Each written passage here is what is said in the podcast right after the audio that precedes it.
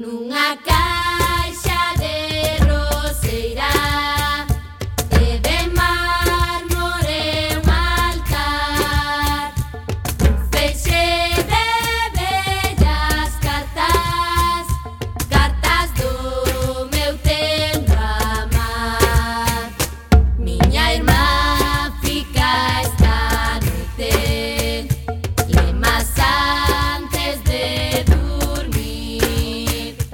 recendeiras e recendeiros, benvidas e benvidos a este espazo radiofónico semanal adicado á cultura que facemos en riguroso directo todos os martes ás 7 da tarde aquí en Coac FM no 103.4, a Radio Comunitaria da Coruña.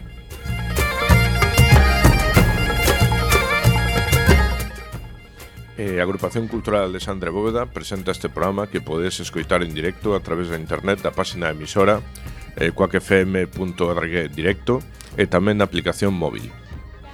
E se non chegaches a tempo, non tes excusa, compañeira. Podes descarga, descargar todos os programas emitidos en Radioco, o megapodcast da nosa emisora. Ou tamén podes escoitalo na redifusión, que será os mércores ás 8 da mañá, os venres ás 18 horas e na madrugada do domingo ao luns ás 12 da noite.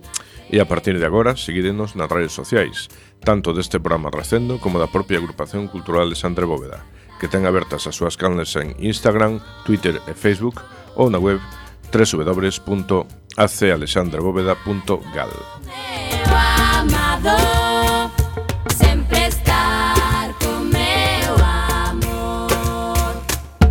E xa sen máis imos caraló na procura desta fantástica aventura cultural con Miguel Anxo Facal no control técnico e falando lles coal manteira Roberto Catoira e Marta López.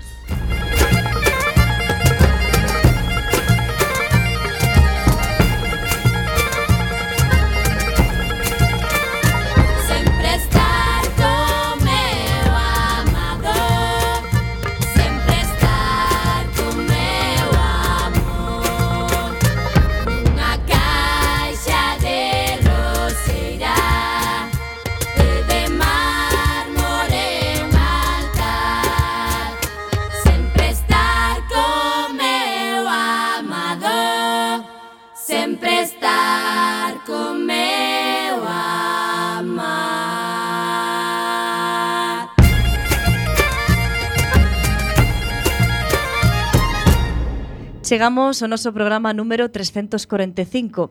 Contaremos como convidada coa escritora Eli Ríos, que ven en representación da plataforma de crítica literaria feminista ASEGA. Teremos a sección de A Nosa Lingua, a, a cargo de Marcos Maceira, presidente da Mesa pola Normalización Lingüística. E falaremos tamén das actividades da nosa agrupación e das outras cousas que se fan na Coruña e na Galiza que tamén son cultura. En canto á música de hoxe, volvemos a un disco que adoramos o Cántigas de Mulleres, editado en 2012. Presentamos a primeira peza de hoxe titulada Rosiña do mes de maio, cantada pola señora Carme, unha das intérpretes de Malvela.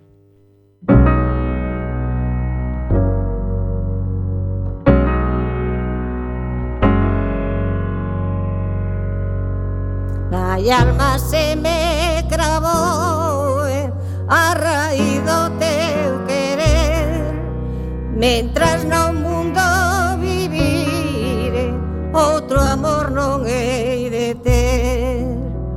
O cariño que che teño Inda ti non sabes ver.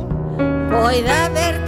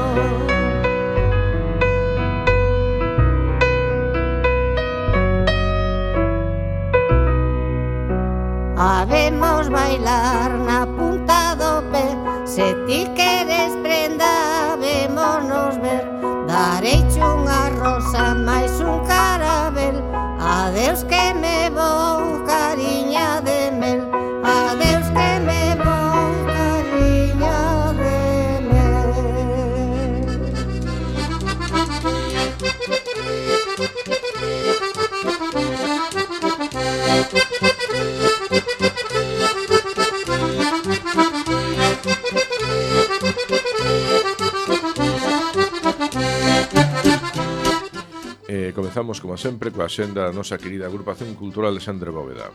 Este xoves 6 producirase o segundo encontro coa videodanza e contaremos coa presencia de Lucía Estevez, unha directora moi nova graduada en Comunicación Audiovisual pola Universidade de Vigo. Lucía traballa a videodanza e a danza en escena desde o punto de vista do traballo actoral e a ficción. Na súa andaina acadou diversos premios como o de CREA, a mellor dirección galega no Festival Curtocircuito, ou o Premio María Luz Morales da Academia Galega do Audiovisual. Será este xoves, como decíamos, ás 8 da tarde no noso local. E o Benres 7 presentamos o poemario Partituras de Mercedes Queixas Zas e Xoan Carlos Domínguez Alberte, con ilustracións de Baldo Ramos. O acto será presentado por Manolo Rivas. Este libro contén un exercicio literario pouco frecuentado na literatura galega, a creación a dúas voces entre dous poetas, consciente e decidida. Será ás 19 horas no noso local.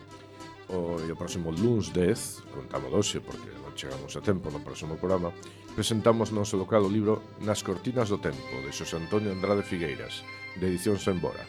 O autor, abogado na cidade da Coruña, e me consta que vou, xa publicou outras novelas como Reválida de Sexto, Xavia en nome de parroquia e Querida Paula. Será ás 20 horas no noso local da rúa Olmos 1618, primeiro andar. Música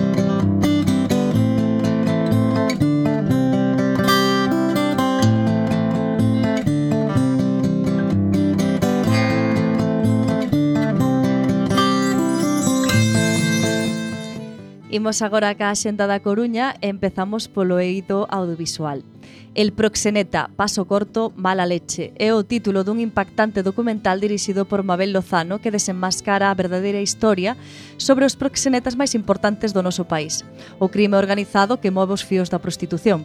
A directora será encargada de presentalo e participará nun coloquio cos asistentes. Será o mércores 5 ás 19 horas no Teatro Colón, con entrada libre ata completar a foro. E no Cegai, como todas as semanas, hai cosas moi interesantes, pero para algúns destaca isto, algúns entre os que me atopo. O xove 6, con sesións ás 17.45 e 20.30, pola súa longa duración, proxectan unha das obras mestras de Stanley Kubrick, A laranxa mecánica, de 1971. Pero o gran evento desta semana é a primeira semana do cinema galego que será no Teatro Colón dende o xoves 6 ata o domingo 9, con sesión principalmente ás 20 horas e acceso libre ata completar a foro. O xoves pode verse O que arde, o venres Longa noite, o sábado dobre sesión con Eroski Paraíso e Quen a Ferro mata e o domingo pechase con Feedback.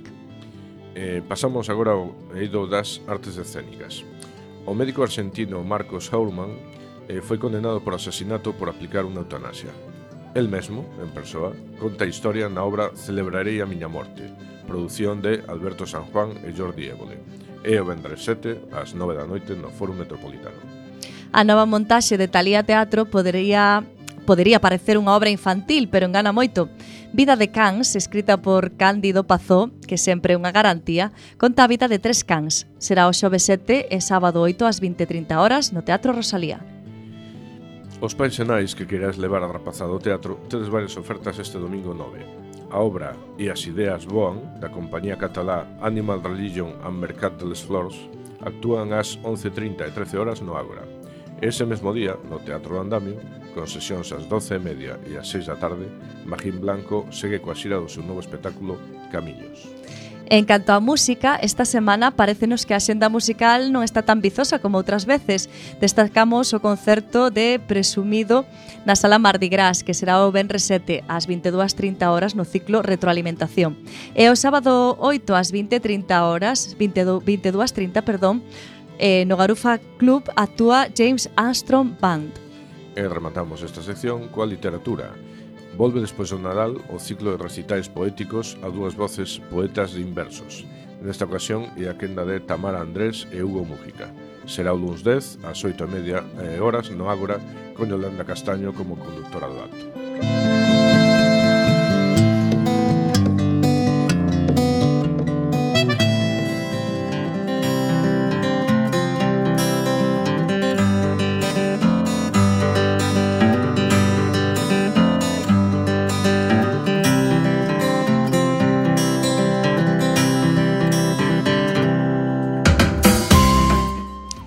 quenda agora da Xenda de Galiza. Empezamos por Lugo. Os xoves de febreiro, comenzando pasado mañá, de 20.30 a 22 horas, vanse levar a cabo diferentes exercicios para enfrontar o papel en branco, despertar a creatividade e sacar o escritor que se leva dentro. Escritura creativa en 4 sesións. Por 40 euros vai todo o material incluído. En mil cores na ronda As Fontiñas 146. Eh, damos agora un chimpo ata Pontevedra para recoñecer a capacidade e os mecanismos que o cinema emprega para reflectir o espectro emocional e psíquico do ser humano é un dos principais obxectivos dun ciclo cinematográfico sobre saúde mental organizado polo colectivo Taller Abierto baixo o título de O oficio de vivir. A película seleccionada para este xoves é Diario íntimo de Adele H, de Truffaut. A sesión inclúe unha presentación e contextualización do filme a cargo do experto Suso Novas, a proxección da película, e a intervención do prestixioso médico Víctor Pedreira, especialista en psiquiatría, que dará paso coas súas reflexións a apertura dunha quenda de preguntas e dun coloquio. A cita é no Cine Clube, na rúa Luis Braille, 40 a 7 da tarde. E subimos a Santiago. A Biblioteca Ángel Casal cedo seu vestíbulo á Dirección Xeral de Xuventude, Participación e Voluntariado da Consellería de Política Social para expoñer os traballos de Xuventude Crea. Certame galego de creadoras novas que inclúe as especialidades de teatro, artes plásticas, fotografía, música, relato breve, poesía, videocreación, banda deseñada, grafiti, deseño de xoias, moda, cociña e danza moderna. Esta exposición recolle os proxectos finalistas da especialidade do grafiti no 2019 E pode visitarse ata o sábado 8. Imos agora ata Ourense. Atomamos aquí o Salón Internacional de Turismo Gastronómico, que terá lugar dende mañá mércores 5 o domingo 9 no recinto feiral. Conferencias, talleres gastronómicos, degustación de produtos gastronómicos típicos de Galicia, catas ou actuacións musicais serán algunhas das actividades programadas para esta edición. Durante estas xornadas o público asistente poderá comer ou cear en calquera dos restaurantes presentes na feira que ofrecerán menús representativos das diferentes zonas de Galicia, de España e do país convidado desta edición. O horario da feira será de 12 da mañá a 1 da madrugada, dende o mércores ao sábado, e de 12 a 7 da tarde o domingo. Imos a Vigo, se queredes, tendes unha foliada na rebullón para gozar do prazer de facer música. Trae da vosa ferramenta, gaita, cunchas, peitoques ou pandeireta. Bailadores e bailadoras, vide dispostos a bailar e a facer a festa. Prezos populares este sábado 8 a partir das 7, onda Praza do Rei. E achegámonos ata Ferrol, a cidade departamental. O autor, músico e intérprete galego Freddy Leis lanza en 2015 o seu primeiro EP titulado Días Grandes. Logo, en 2018, publican Neón, Durante este último proceso creativo, Freddy Leis deixa se levar fronte ao piano para trasladar en forma de cancións 11 historias persoais que se orden a modo de desafogo ante a necesidade de expresar as súas emocións máis sinceras. Visita o auditorio o sábado día 8 ás 8:30 da tarde. E para rematar, imos a Campo Lameiro. Inaugurouse xa no Parque Arqueolóxico da Arte Rupestre PAAR, actividade Prehistorics. Convértete en experto en petroglifos, e enfocada ao público familiar e que se desenvolve os sábados e domingos de febreiro e marzo. Os asistentes achegaránse ao mundo da arte rupestre da prehistoria mediante a participación nun xogo de pistas que require dunha pequena preparación. Polo tanto, a idea de Prehistorics consiste en realizar dúas actividades previas, visitas ao museo e taller arqueolóxico adaptado ás idades da rapazada, antes do desenvolvemento posterior dun xogo de pistas pola área arqueolóxica. En reservas arroba PAAR, o sea, P-A-A-R, .es podedes apuntarvos. Comeza ás 11 da mañá e dura en torno a dúas horas e media.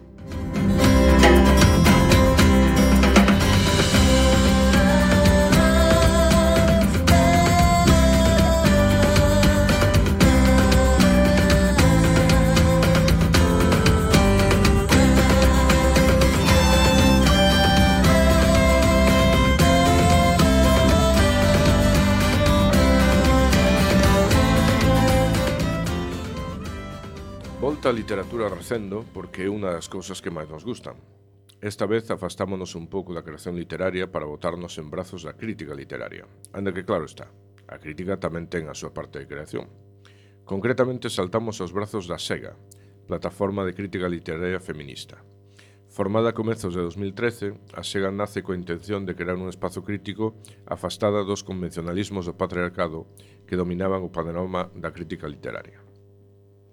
Deste xeito, buscan visibilizar a obra de moitas autoras dadas de lado, así como facer unha relectura do patrimonio literario da Terra. A súa iniciativa quere encher un valeiro na crítica literaria que, paradóxicamente, segundo elas, carece a análise crítica dos textos creados polas autoras. A sega nace da man de Andrea Núñez Brións, María Raimóndez, Marga Romero, Lara Rozado, Susana Sánchez e Beatriz Suárez Briones. A este núcleo foronse unindo firmas como as de Emma Pedreira, Andrea Barreira ou Eli Ríos. A SEGA, dende o comezo, colabora co Centro de Recursos Feministas do Concello de Vigo e non só se dedica á crítica literaria. Tamén ten editado un par de referencias de Circes e Morganas, homenaxe das escritoras a Begoña Caamaño e o caderno do primeiro Día das Galegas nas Letras, adicado a Dorothy Schubert compiladora do cancioneiro popular galego. Precisamente o Día das Galegas nas Letras é unha iniciativa impulsada por a SEGA e que acadou o ano pasado a súa sexta edición. Polo de agora, as homenaxeadas foron Dorothy Schubert, María Victoria Moreno, a nosa amiga María Xosé Queizán, Patricia Janeiro, eh, Marica Campo e Xela Arias. A Sega é o esforzo dun grupo de mulleres que desgraciadamente non poden estar todas hoxe connosco, mas sí que podemos gozar da compañía da escritora Eli Ríos en representación da plataforma de crítica literaria. Eli Ríos é unha autora multifacética, capaz de moverse con soltura na poesía, a novela, a literatura infantil e juvenil e o ensaio. Para mostra o seu bo facer literario, só hai que botarlle un ollo aos galardóns que acadou. Entre os máis recentes atopamos o Premio Torrente Ballester de Novela por Luns, o Premio Miguel González Garcés para o poemario Ninguna tortilla é mala e o Premio de Narración Curta do Concello Curtis polo seu relato Zeta Vacas. Damos a benvida á escritora Eli Ríos. Eh, moi boas tardes, Eli. Moi boas tardes. Eh, para comenzar, como xorde a idea de crear unha plataforma de crítica literaria feminista? Pois xorde pola necesidade, porque non hai espazos para facer unha crítica que non sexa desde unha perspectiva masculina, entón mm, detectamos esa necesidade e podendo facelo, por que non? non? Xuntamos esforzos e creamos un espazo de diálogo, un espazo no que eh, pois cada unha fai unha proposta e a partir de aí traballamos sempre sobre consenso. Eh, comezamos un pouquiño mm, por intuición, un pouquiño diseño, pois como podemos facer, de que maneira e eh, ao final pois fomos eh, creando proxectos que a propia sociedade nos demandaba. Eh, no que acabas de contestar xa estaba claro que, que, que a vosa plataforma do seu traballo tiña que ser tiña que ter un sesgo claramente feminista. Onde, onde como se nota ese pouso patriarcal na crítica literaria? Primeiro na ausencia de espazos para as mulleres, non se vos fixades, por exemplo, agora cando fixestes a axenda, o 90% das actividades son todo homes, non pois na crítica pasa o mesmo. Eh, os homes falan sobre libros escritos sobre homes eh, e non só. Nos, aínda que queiramos falar de calquera cousa, non temos espazos nin na radio, nin na prensa, eh, son moi pouquiñas as mulleres críticas que teñen ese proceso, teñen eses espazos eh, incluso nas asociacións, eh, a hora de facer conferencias, a hora de facer charlas, non hai eh, non hai mulleres eh, porque, bueno, aínda se nos sigue dicindo iso, que cando hai que falar de algo serio, mellor que viña un home. Entón, eh, eh, dase unha situación coa que non estamos nada de acordo e que eh, tentamos cambiar.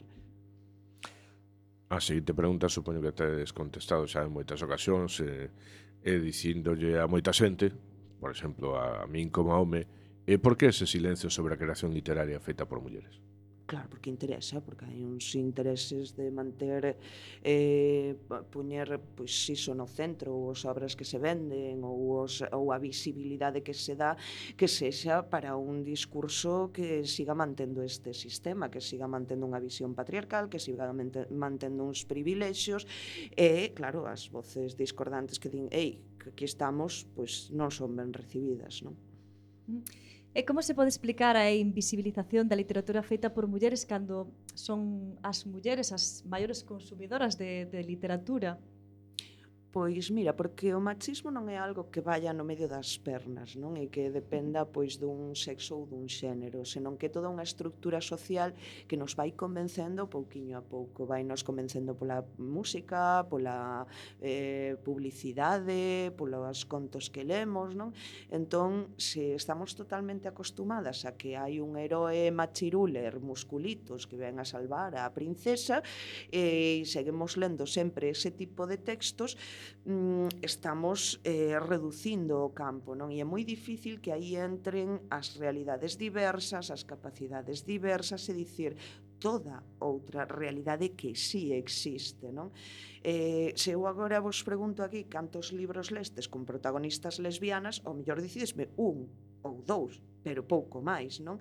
Entón, a invisibilidade vai por unha parte a seguir mantendo as mulleres nesta estructura, nesta estructura na que somos subalternas, nas que se nos eh, exclúe de todos os lugares de poder, e ao mesmo tempo para iso é necesario dicirnos que non hai mulleres escritoras.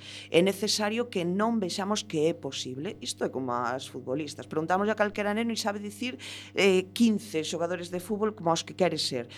Pero ao final preguntamos ya ás rapazas e que coñecemos ver o boquete se acaso e se hai sorte.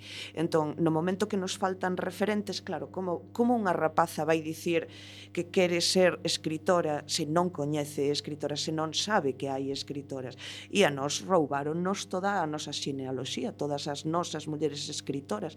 Eu na, na, ni no instituto ni na carreira estudiei máis que catro, mm, e porque lle cadrou, e porque estaban aí. E eh, literatura femenina e literatura feminista son termos intercambiables? Non, claro que non.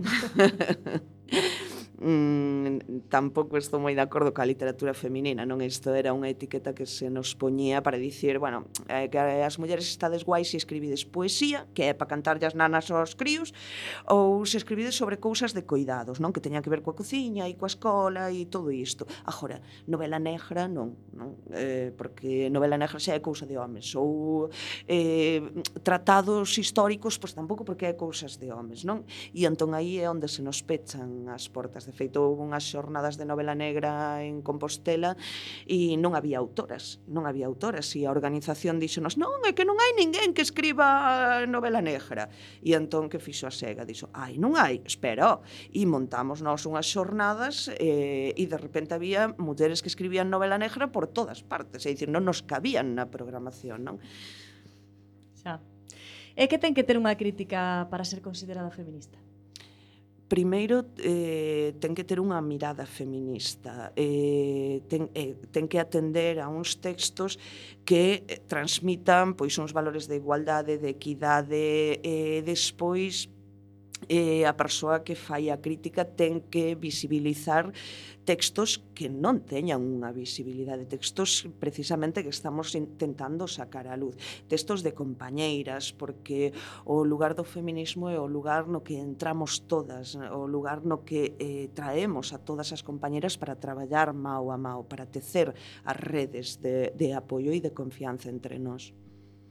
Eh, moi ben, pois... Eh, neste programa no que hoxe as mulleres teñen que ser protagonistas, obviamente, e que a música que utilizamos para as pausas musicais é toda protagonizada por mulleres, se antes escoitamos a señora Carmen, unha das integrantes de, de Malvela, unha voz maravillosa, tristemente falecida no 2015, pois hoxe imos escoitar eh, hoxe, perdón, agora mesmo, imos escoitar a, ao propio grupo Malvela eh, con unha das súas cancións máis coñecidas que Pola Rúa de San Pedro.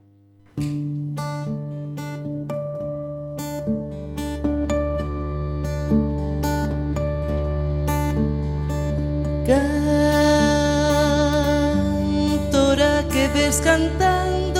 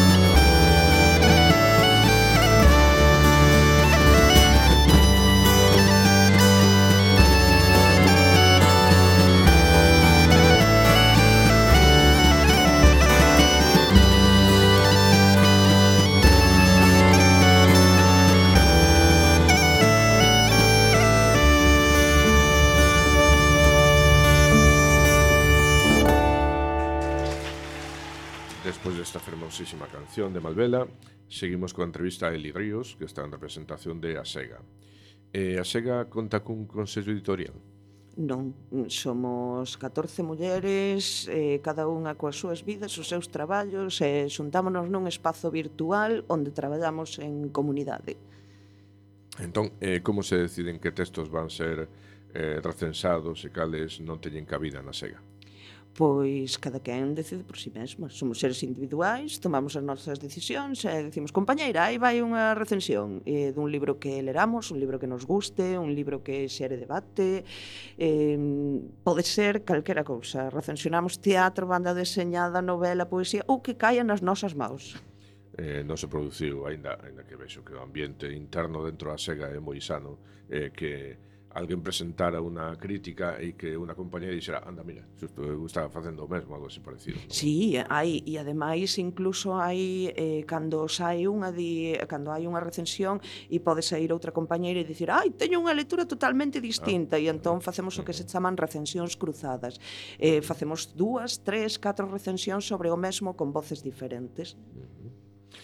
Eh, que se precisa para ser unha boa crítica literaria feminista?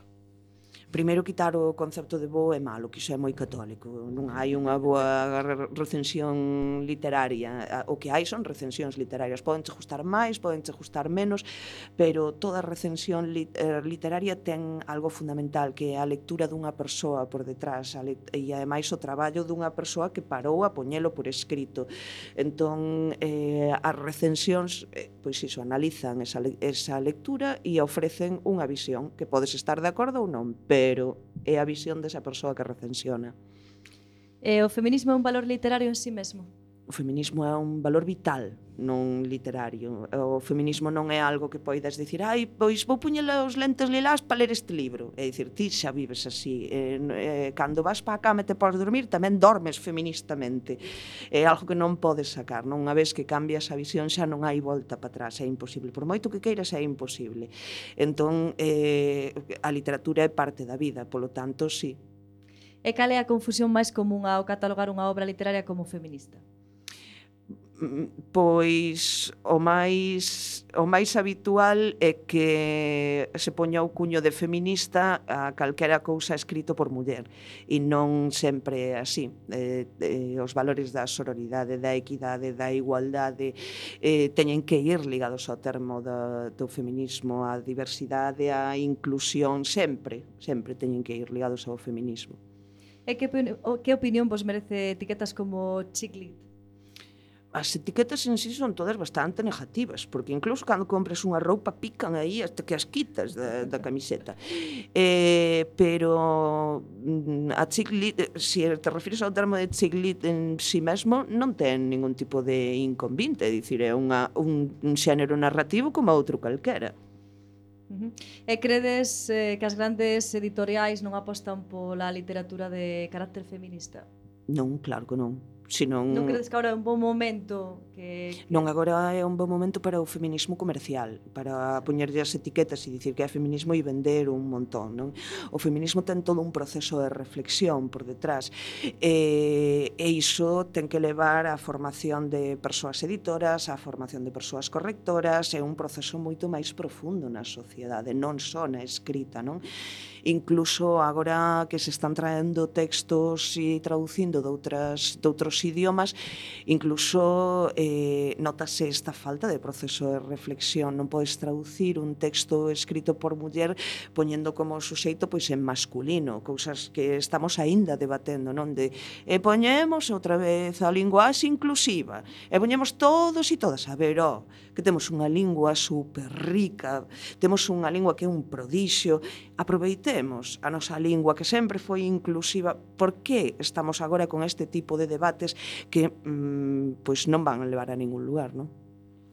E xa que estamos nun programa evidentemente feminino e feminista, eu teño que sacar a relucir a miña ignorancia típicamente masculina, que é o chiclit, porque eu xuraría que é a primeira vez que escoito falar deso. Pois é un xénero no que se escribe pois de novela rosa, é moi curta, non? E o que pasa que hai o erro de confundir que é a novela esta na que un señor super rico eh, ven e eh, un coche a unha muller e conquista a muller.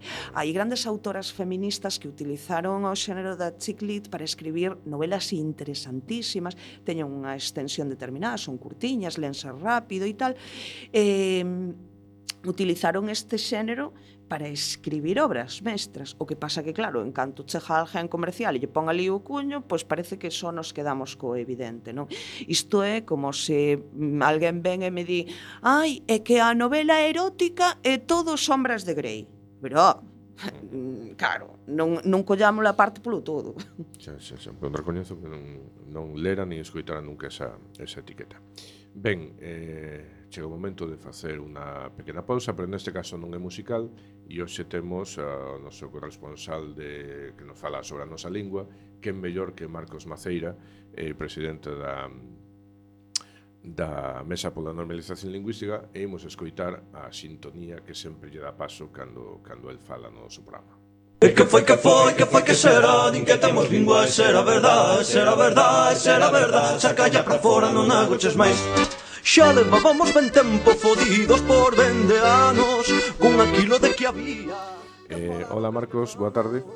Moi boa tarde. Que, Vexo que xa estás mellor que dese catarro que, que tiñas a semana pasada que pensabas que mellor Si, sí, ainda continuo a... padecendo as consecuencias, mas si, eh, si que estou bastante mellor, si sí. Moi ben, pois contanos se si está ben de saúde a lingua galega, que xa sei que non. Non, eh, non está ben de saúde, mas eh, sí que tentamos eh, que vaya mellorando, non? Eh, non teremos solución definitiva, mas sí que polo menos eh, tentamos dar pasos para que esa saúde eh, poida mellorar no futuro. Eh, por iso mesmo, na mesma programación lingüística que acabamos de lanzar, ou de relanzar máis ben, eh, o proxecto Abertas ao Galego, que xa hai un tempo e conta coa aplicación eh, de telefonía móvil, onde xa eh, desde hai moitos anos están incluídas eh, diferentes empresas que utilizan o galego habitualmente, e que eh, a partir da, de hai, eh, desde hai 15 días eh, ten tamén un distintivo, eh, un, un adhesivo que poderán colocar eh, as tendas, establecementos comerciais de todo tipo eh, que utiliza o galego en algunha parte da súa actividade eh, para identificarse precisamente como establecementos onde se usa o galego.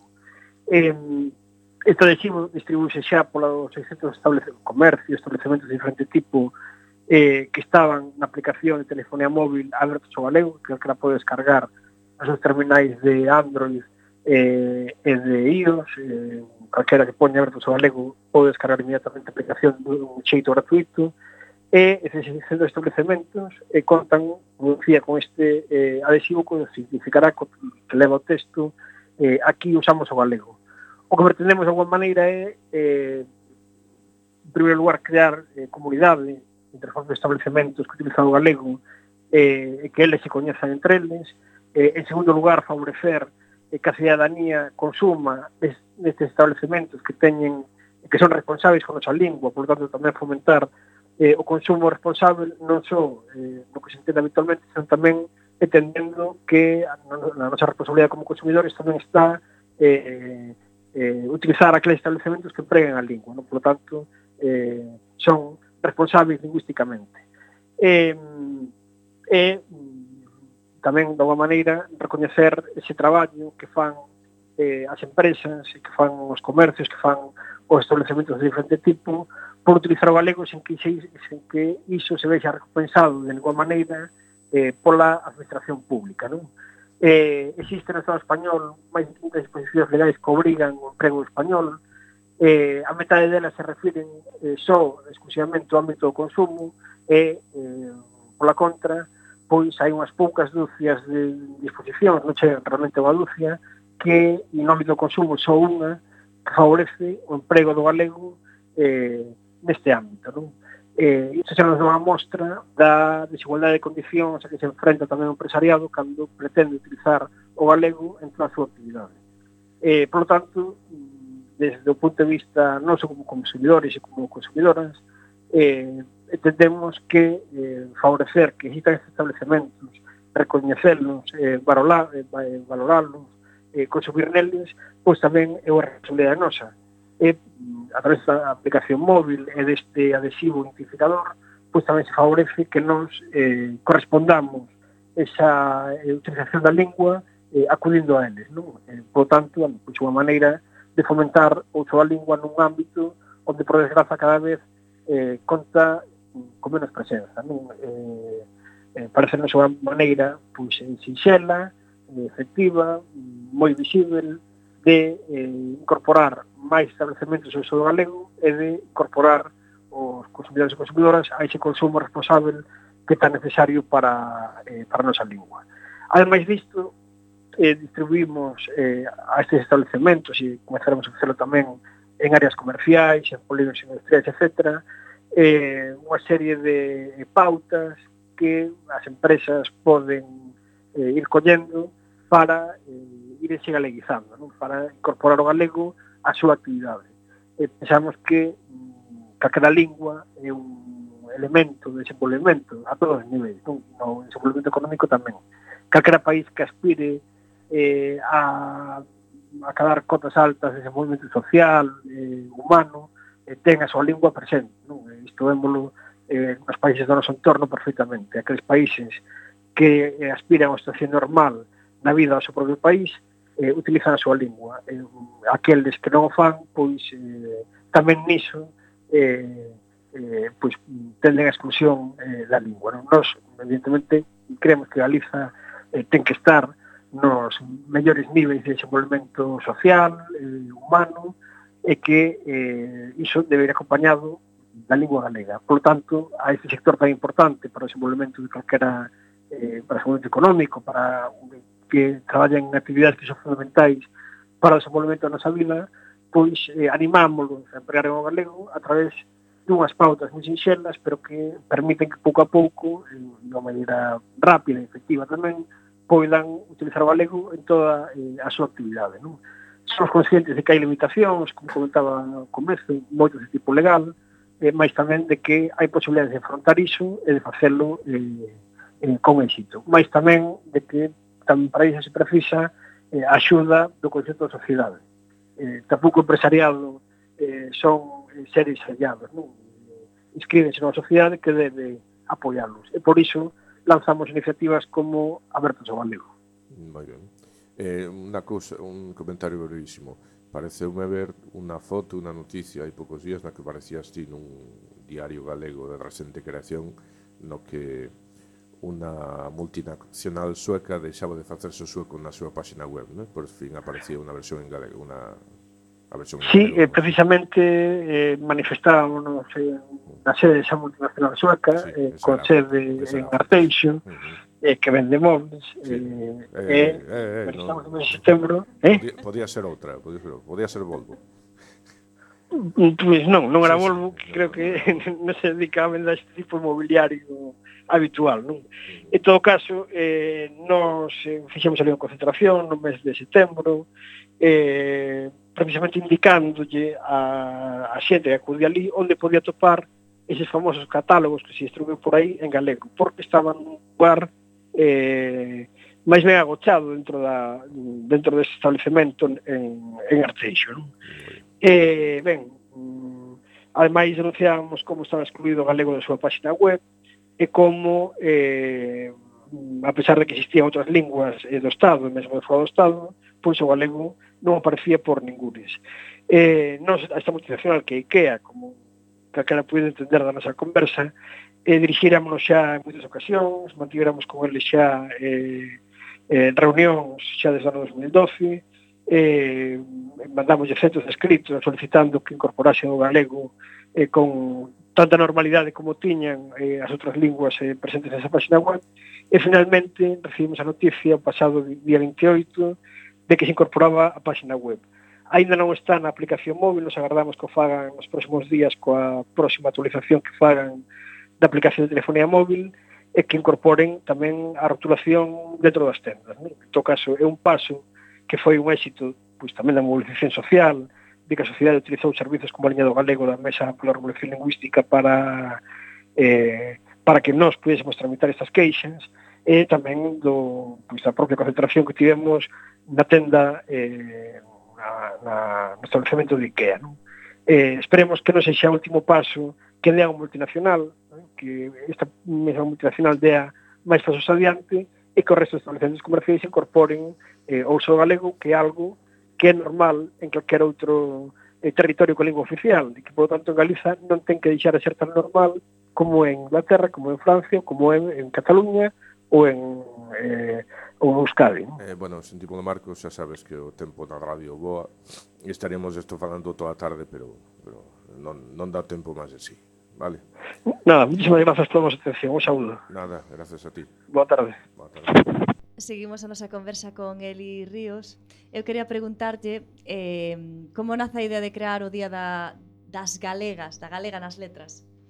Pois isto foi un pouco así como, non sei se vistes, vistes aquel meme da, que hai internet de ajarramo cubata aí, eh, porque estábamos bastante enfadadiñas con isto da invisibilización da Real Academia Galega, non que haxa catro mulleres desde como comezou a celebración do Día das Letras Galegas e que sempre eh, escoitemos as mesmas eh, absurdas eh, xustificacións de ai, é que as mulleres non escriben, ai, é que non ten suficiente, suficiente obra eh, entón eh, podíamos, tiñamos dúas opcións seguirnos queixando ou facer algo e entón, pois, dixemos pois mira, eh, se buscamos a Nosa Señora das Letras e entón decidimos que fose o día de Santa María o 15 de agosto eh, tamén como, como unha forma de desacralizar esa, esa festa non?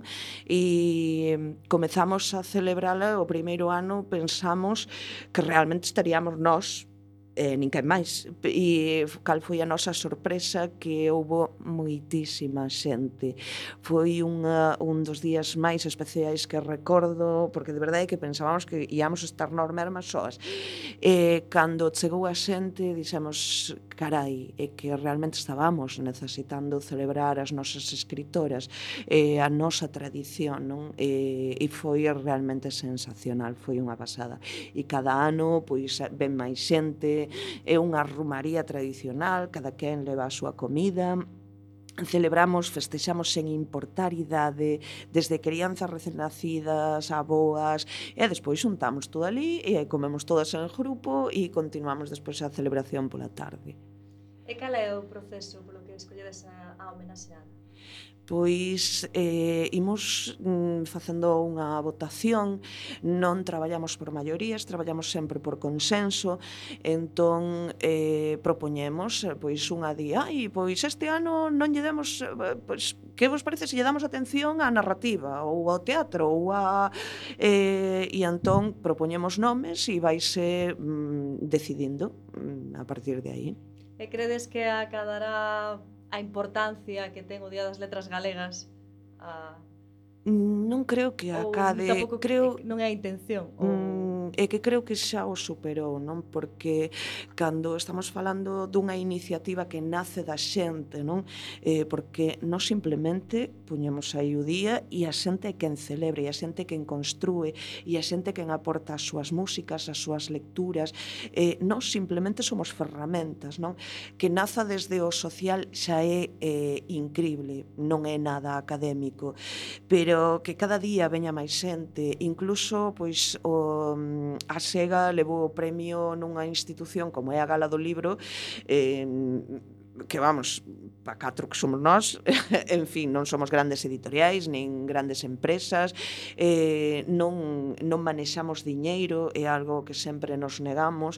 Eh, entón, este, que este tipo de iniciativas eh, saian adiante, teñan o seu recoñecemento e cada ano vayan a máis, eh, pois eh, creo que nin é comparable co Día das Letras Galegas, nin o buscamos, a nós préstanos máis, préstanos máis celebrar eh, coa xente que, que celebrar eh, nunha academia, nun sofá dun, dun salón de actos. E mira, de todas estas homenaxeadas a, a toda agora, a min o nome de Dorothy Schubert me chama atención, porque non parece así moi galego tampouco. Contanos quen era. Dorotea Xubart é unha das persoas máis importantes na literatura galega eh, porque ela eh, era académica, bueno, era, eh, traballaba nunha universidade en Suiza e traballa sobre a literatura oral. Entón, no 78, imaginade como era aquí Galicia e as comunicacións, porque tampouco chegara o ave daquela aquí. Eh, ela fixo toda unha recolla das cantigas coa súa notación musical eh, de tal volume, nunca se fixera tal, está recollido agora o cancioneiro en sete volumes, hai máis de 268 CDs gravados de música, que eran unhas copias das, das recollidas que facía ela, pero facía recollidas de coller e grabadora en mão. Ben, outro día ainda un vídeo dunha recolla que fixo no Caurel e para que a señora lle cantase a copla que ela quería, acompañou na a levar as subelles ao monte. É dicir, eh, en Doroté cambiou moito a forma de, de recoller. Non vas desde unha señora académica que se achega e vai te gravar e entón pois, ti cantas o que te acordas, non? senón que se meteu na vida das persoas e recolleu eh, toda esta literatura literatura oral o cancioneiro, pois os romances, que eh, cando morren as persoas maiores pérdese. É dicir, estamos falando dun Alzheimer colectivo, estamos falando de perder a nosa identidade, eh, porque se non están guardadas en algún sitio recollidas, eu xa non sei cantar os romances que cantaba a miña avoa, por exemplo, non? E agora están a disposición pública, calquera pode, pode ver esas grabacións, pero que non só chegou aquí e cambiou completamente a forma de recoller a tradición oral, de recoller a nosa memoria como povo. Eh, porque eh, foi das primeiras veces que se anotou quen cantaba iso, onde, que idade tiña, é dicir, tiña un respeto e ten un respeto polas persoas increíble, increíble. E grazas a iso, pois podemos coñecer moitas mulleres cantoras, porque as mulleres fomos as que eh, eh, guardamos a tradición a que se transmitía nas lareiras, a que se transmitía nas casas, cando non se podía, vexas séculos escuros, franquismo ou demais, eh, e as mulleres foron as que eh, compoñían, as que transmitían, e todo iso Doroté soubo analizalo dunha forma científica, soubo facer unhas clasificacións supermodernas para a época. Estamos falando que o cancioneiro saiu no 84 eh, e, e ela incorporou todas estas técnicas cientifistas á recolla da, da nosa memoria. Moi interesante. Eh. Tristemente esta interesantísima entrevista está chegando ao seu final Nos quedan tres ou catro minutiños Pero vamos intentar exprimir o máximo posible E alguna pregunta ten que ser sobre a propia Eli A sobra literaria e todo iso em, Crees que ti como autora cumpres co que predicas eh, Cando usas a tua faceta de crítica literaria? eu non predico o que, que pois, pois están as igrexas eh, pois é un pouco que falábamos antes non que eh, ser feminista non é algo que, que collas e dixas, pois vou ser 15 minutos feminista e despois 15 minutos non entón sí, eh, o feminismo é unha forma de vida e vai na literatura eh, Adoitas ler as críticas que fan das túas creacións? Sí, claro uh -huh e os críticos e críticas dando cravo cando tentan descifrar as túas intencións ou non me, non me importa, gustame moito, son, son unha bella do visillo, é dicir, gustame ver o que le a xente como interpreta, pero cando o libro chega as maus de quen le xa non é meu e a interpretación xa non é miña. Eh, na xegas o desto das mulleres. Pode chegar algún día na que haxe algún home colaborando? Por, non sei, mm, pode, o que sei, pode Saturno ser habitable? Eh, eu aínda non, non descubrín eh, ese ser mitolóxico que é o home feminista. Unicornio. Porque pareceme máis fácil encontrar un unicornio que un home feminista, porque mm, eh, sí poden ser aliados do feminismo, pero o feminismo é o espazo das mulleres. Eh, xa está ben de, de querer ocupar sempre os nosos espazos, non? Eh, un home eh, quere ser feminista, bueno, pois que se poña ao lado e que se poña de aliado que eh, este espazo correspóndenos a nós. Xa sabes que nos gusta ocupar espacios, ainda que non se sabemos si poden ser todos mellor. Bueno, esa sabedes a quen lle ides a dedicar eh, o día das, das letras este ano? Pois non, aínda non o sabemos, porque eh, costumamos no día de Rosalía facer unha ouija, chamamos a Rosalía e é Rosalía o de sea, decide Rosalía. É Rosalía de Castro quen decide e nos comunica ese día a quen lle dedicamos o Día das Galegas nas Letras. Esta ouija normalmente acompañámola como boas galegas de unha merendola na librería Lila de Lilith que é como a nosa casa e ali pois eh, facemos o chamamento coas candeas e coa ouija a Rosalía e estáis convidadísimas a chegarvos a Que día é ese? Eh? Pois eh, o día de, a fin de semana seguinte ao día de Rosalía, dicir, non sei moi ben en que cae de fin de semana, pero os, eh, costuma ser os sábados para que poidan vir crianzas, maiores, persoas que traballan e todo. Xa o poñeremos nas redes, non non hai presa. Pois a finais de xullo, co espiritismo de por medio, Sí, sempre, sempre, sempre, sempre ven Rosalía a dicirnos e a indicarnos. Sempre con consenso, eso é interesante. Pois, pois, chegamos ao final do noso tempo. Tristemente nos gustaría seguir falando aquí toda a tarde, toda a noite, o día seguinte, pero non puido ser. Foi un placer compartir contigo. O placer foi noso, grazas por convidarnos. E sen tempo para máis odiseas, imos chegando a fin do camiño deste recendo. Despedimos o programa de hoxe agradecendo aos nosos convidados que, como sempre, son de honra. E estiveron connosco esta tarde Eli Ríos, aquí en persoa, e Marcos Maceira, a través do teléfono. Eh, e agradecendo a semente pedra angular de todo o noso comando e equipo de producción, formado por Javier Pereira, Manu Castiñeira e Roberto Catoira. E aquí estivemos Miguel Anxo Facal nos controis e eh, coal en todo o micrófono Roberto Catoira e Marta López.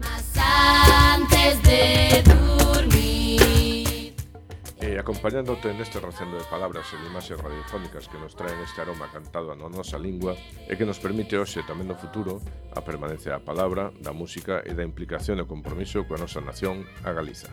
Ata o vindeiro martes a 7 da tarde en directo nesta emisora Coac FM da Coruña. Xa sabedes, recendo as mil primaveras que terá o noso idioma.